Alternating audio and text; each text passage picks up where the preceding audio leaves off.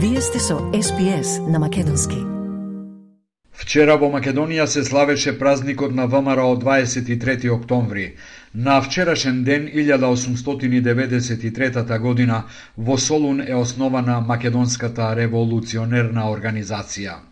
Христо Татарчев, Даме Груев, Петар Попарсов, Иван Хаджи Николов, Антон Димитров и Христо Батанджиев се основоположниците на оваа организација, чие основање значи почеток на организираното македонско револуционерно движење, кое преку Илинден 1903 и Крушевската република, потоа преку НОБ, резултира со создавање самостојна македонска држава.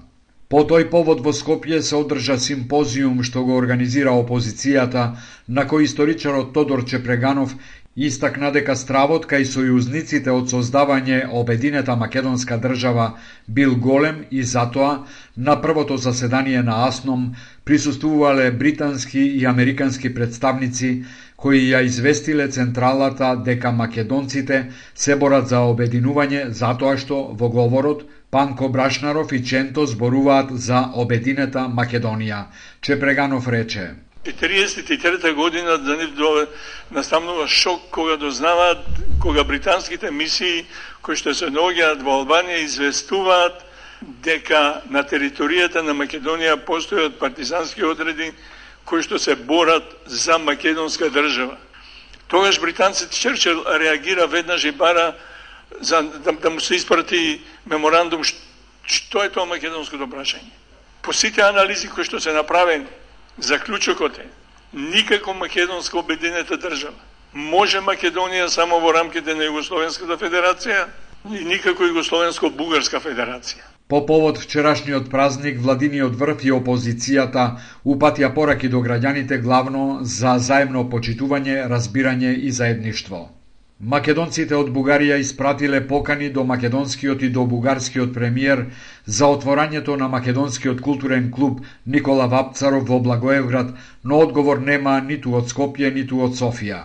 Стојко Стојков од Ома Илинден Пирин за ТВ24 во саботата рече дека градската власт тивко го одобрува отворањето на македонскиот клуб во Благоевград, бидејќи поминал законскиот рок од 24 часа во кој градоначалникот можел да стави забрана, но такво нешто до сега нема, Стојков рече. Тивка дозвола од страна на градоначалникот и тоа ќе се спроведе во смисла нема забрана од негова страна, така што ние сме навикнати на такви декларации. Може би во Македонија сега тоа направи поголем впечаток, меѓутоа такви работи за нас се зборуваат нон-стоп Да овде во Бугарија, тоа е вообичаениот речник против македонците во Бугарија, колку да се тие непримерни и неприфатливи во едно цивилизирано општество, се пак за жал ние сме толку долго подложени на дискриминација што сме се навикнале на таквиот однос. Предходно Советот на Благоевград изгласа декларација со која го забрани отворањето на клубот Никола Вапцаров, пошто македонското МНР реагира со вербална нота дека има непримерни квалификации, дека македонската нација е вештачки создадена. Бугарија последниот период е ставена под засилен мониторинг на Комитетот на министри во рамките на Советот на Европа. Во март овој комитет оцени дека бугарските судови неоправдано одбиваат регистрирање на Омојлинден. ВМРО ДПМН е останува на ставот дека уставни измени и именување на преамбулата со внесување на бугарите нема да има се додека Европската Унија нема да даде цврста гаранција дека тоа ќе биде последно барање и нема да има блокада на пристапниот процес и преговорите. Пратениците на оваа партија, без кои нема двотретинско мнозинство, нема да гласаат за измени под околностите во кои се наоѓа државата сега, а кои председателот Мицковски ги оцени како диктат и ултиматум. Според него потезите на официјална Софија укажуваат на тоа како ќе тече преговарачкиот процес, бидејќи во ниту еден момент до сега не се разговарало за развој, туку за обиди, за негација и асимилација, рече Мицковски. Како ќе дојдеме до таа цел? Велиме, речка било внесувањето на дел од бугарскиот народ во преамбулата. А дали македонскиот народ има гаранција дека тоа ќе се случи, ако ова се случи? Нема гаранција. Кога некој од Европа и од Брисел ќе дојде и ќе даде јасна гаранција пред овој македонски народ и пред граѓаните на Македонија, тогаш можеме да седнеме да разговараме за се. До тогаш нема промена на преамбулата и нема интервенција во Уставот. Мицкоски понудата на Алијансата на албанците да му се приклучат на парламентарното мнозинство во замена за изедначување на македонскиот и албанскиот јазик ја оцени како неевропска и непринципиелна.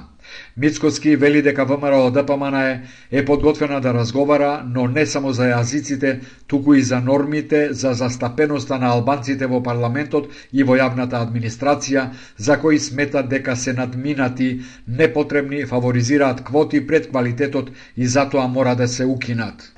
Арбен Таравари, лидер на Алијансата на албанците, најави дека партијата идната недела пред дипломатите и пред домашната јавност ќе ги презентира барањата и предлозите, меѓу кои е изедначување на јазиците како услов да се даде поддршка за уставните измени за внесување на бугарите во преамбулата.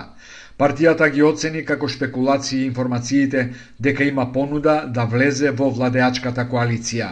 СДСМ пак реагира со нагласок дека Мицкоски е против влезот на Македонија во ЕУ. Во писменото сообштение се вели Преговорите со ЕУ почнаа, тече скрининг процесот и не само што нема никаква бугаризација, не само што нема асимилација, туку има македонски јазик во ЕУ и заштитен македонски идентитет. Последната потврда за ова е договорот Фронтекс кој ќе биде подпишан на чист македонски јазик без фусноти и додавки.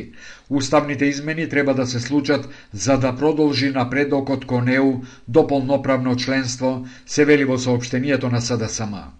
Председателот на Украина Владимир Зеленски одликува неколкумина странски политичари со орденот на кнез Јарослав Мудриот, меѓу кои е и председателот на Собранието на Македонија Талат Джафери.